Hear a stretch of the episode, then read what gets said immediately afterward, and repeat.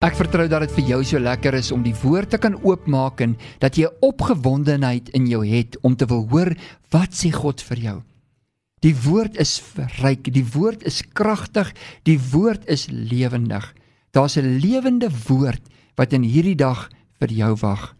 En mag dit so wees dat ook in ons skrifgedeelte vandag Filippense 1 vers 12 tot 14 daar vir jou iets is wat in jou hart val. Mag dit een druppel wees wat so rippel effek in jou siel en in jou gees en in jou gemoed maak dat daar 'n deurbraak oomblik in jou lewe kan wees.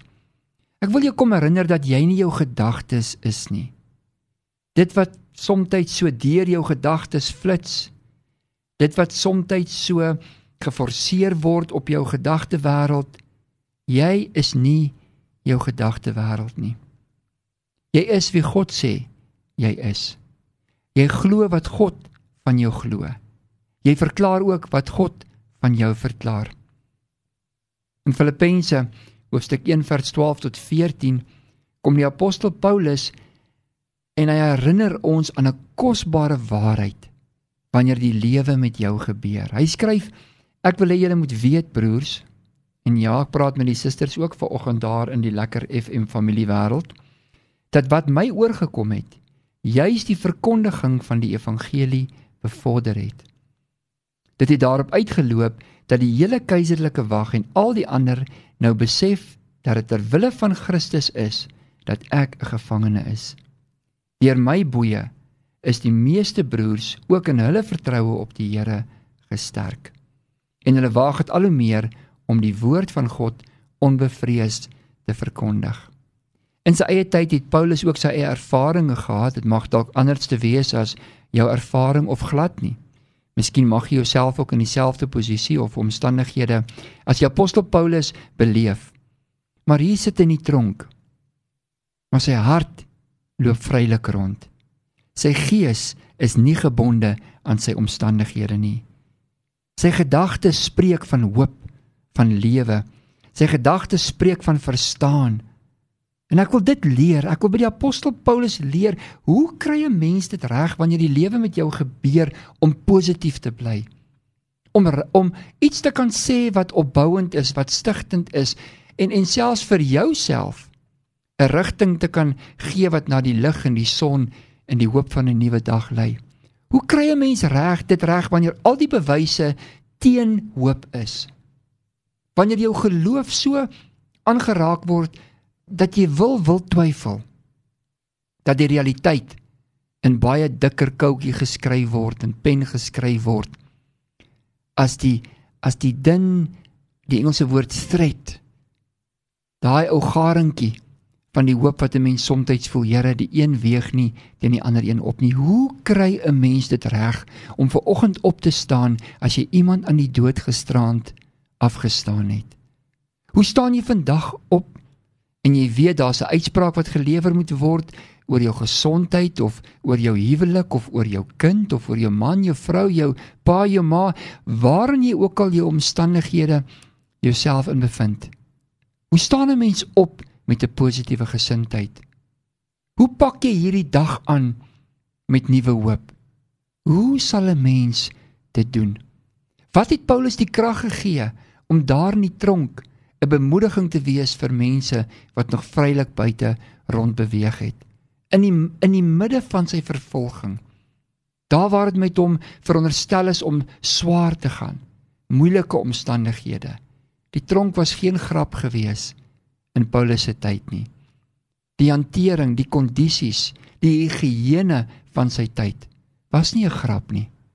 En tog vind ek dat hierdie man se gees nie uitgeblus kon word nie tog hoor ek wanneer hy sy mond oopmaak dat daar iets is wat vir ander sin en betekenis inhou. Iets waarop ander kan nadink en om te besef maar daar's meer as dit waarin ek myself bevind. Wat sal die antwoord wees? Hy sê ek wil hê julle moet weet dat dit wat my oorgekom het. Hy kyk na wat hy beleef het en hy gaan myn iets wat waardevol en kosbaar vir hom is. Jy sien soms dink ons dat dit waardeur ons gaan is niks seggend. Dis waardeloos. Hoekom moet ek nou hierdeur gaan? Hoekom moet ek dit beleef of dit ervaar? Hoekom het hierdie slegte ding met my gebeur? Vir 'n goeie rede. Maar ons kan nie daai goeie rede ontvang of ontdek nie. Alvorens ons nie besef dat daar waarde is in die oomblikke waardeur ek en jy gaan nie. Toe God met Moses kom praat het toe hy voor die see staan, sê God vir hom 'n baie kosbare iets. Hy sê vir hom: "Moses, wat het jy in jou hand?" Wat Moses in sy hand gehad het, was 'n staf. Kan jy vir 'n oomblik dink as hy daai staf maar net weggegooi het en gedink het, "Wat kan hierdie staf doen?" Ek staan hier voor voor waters. Ek staan nie voor 'n see. Ons kan nie deurkom nie. Ons lewens word bedreig van die agterkant af deur die Egiptenare. Kan jy dink as hy vir 'n oomblik gesê het, Here, ek het niks nie. Ek is niks nie. Maar hy staan vir 'n oomblik stil. En God kom praat met hom. Hy sê vir hom sien die waarde van daai staf wat jy in jou hand het. Vat daai staf, steek hom uit na die water toe. En daar waar dit die waters raak, daar kloof die waters. sien God het vir jou ook iets baie besonders en kosbaar gegee. Jy het ook iets wat God vir jou kom vra in jou moeilike omstandighede. Wat het jy? Paulus het niks by hom gehad nie. Hy getuig nie van 'n staf nie. Waarvan hy praat is die sin en die betekenis van hoekom hy deur sekere goed gegaan het. Want hy het sin daarin gesoek. Hy het betekenis daarin gesoek. En vir hom was die waarde van dit waardeur hy moes gaan verander gewees. Hy sê ek ly nou vir 'n oomblik, maar deur dit wat my oorgekom het, het ander ook nuwe moed geskep. Deur dit wat my oorgekom het, kan ek verander bemoedig en versterk. Miskien is dit siekte in jou lewe. Dat jy so siek was. Hoekom? Want dit wek ook 'n diepe medelee wat net jy sal weet. Dit bring 'n verstaan van daai omstandighede wat jy eerstehands ervaar het.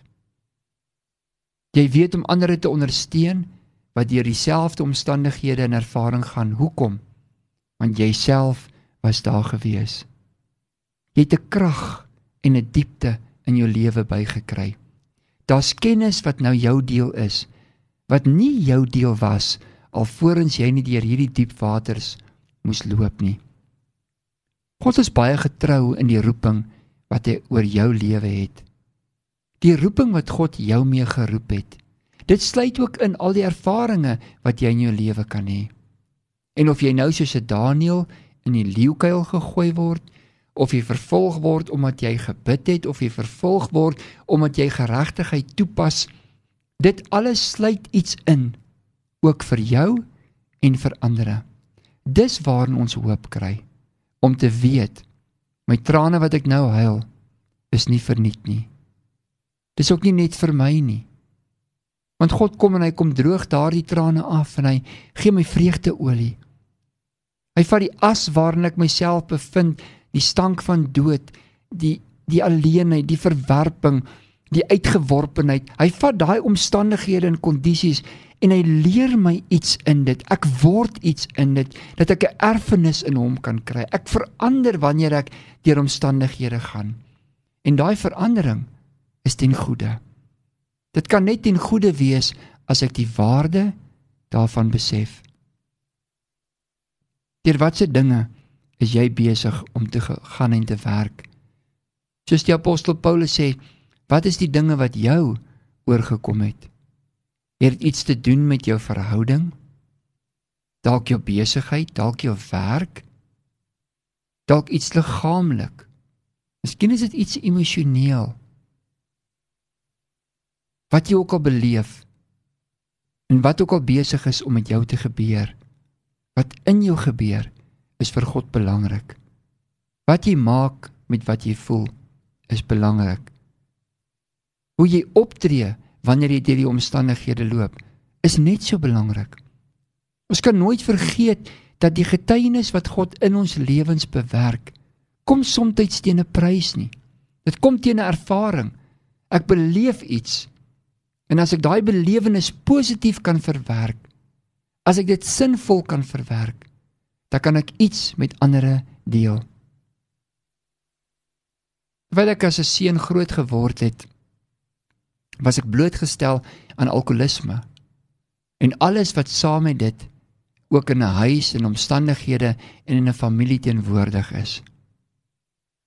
Wanneer ek nou met jong mense praat, wanneer ek in 'n skoolsaal staan en ek kan kyk na die gebroke oë en harte en liefdeloosheid en dalk die moeilike omstandighede wat vanoggend nog plaasgevind het, dan praat ek nie net goedkoop uit die oppervlakte van my hart nie. Ek weet wat ek sê wanneer ek sê God het jou lief. Hy onthou jou. Hy vergeet nie van jou nie.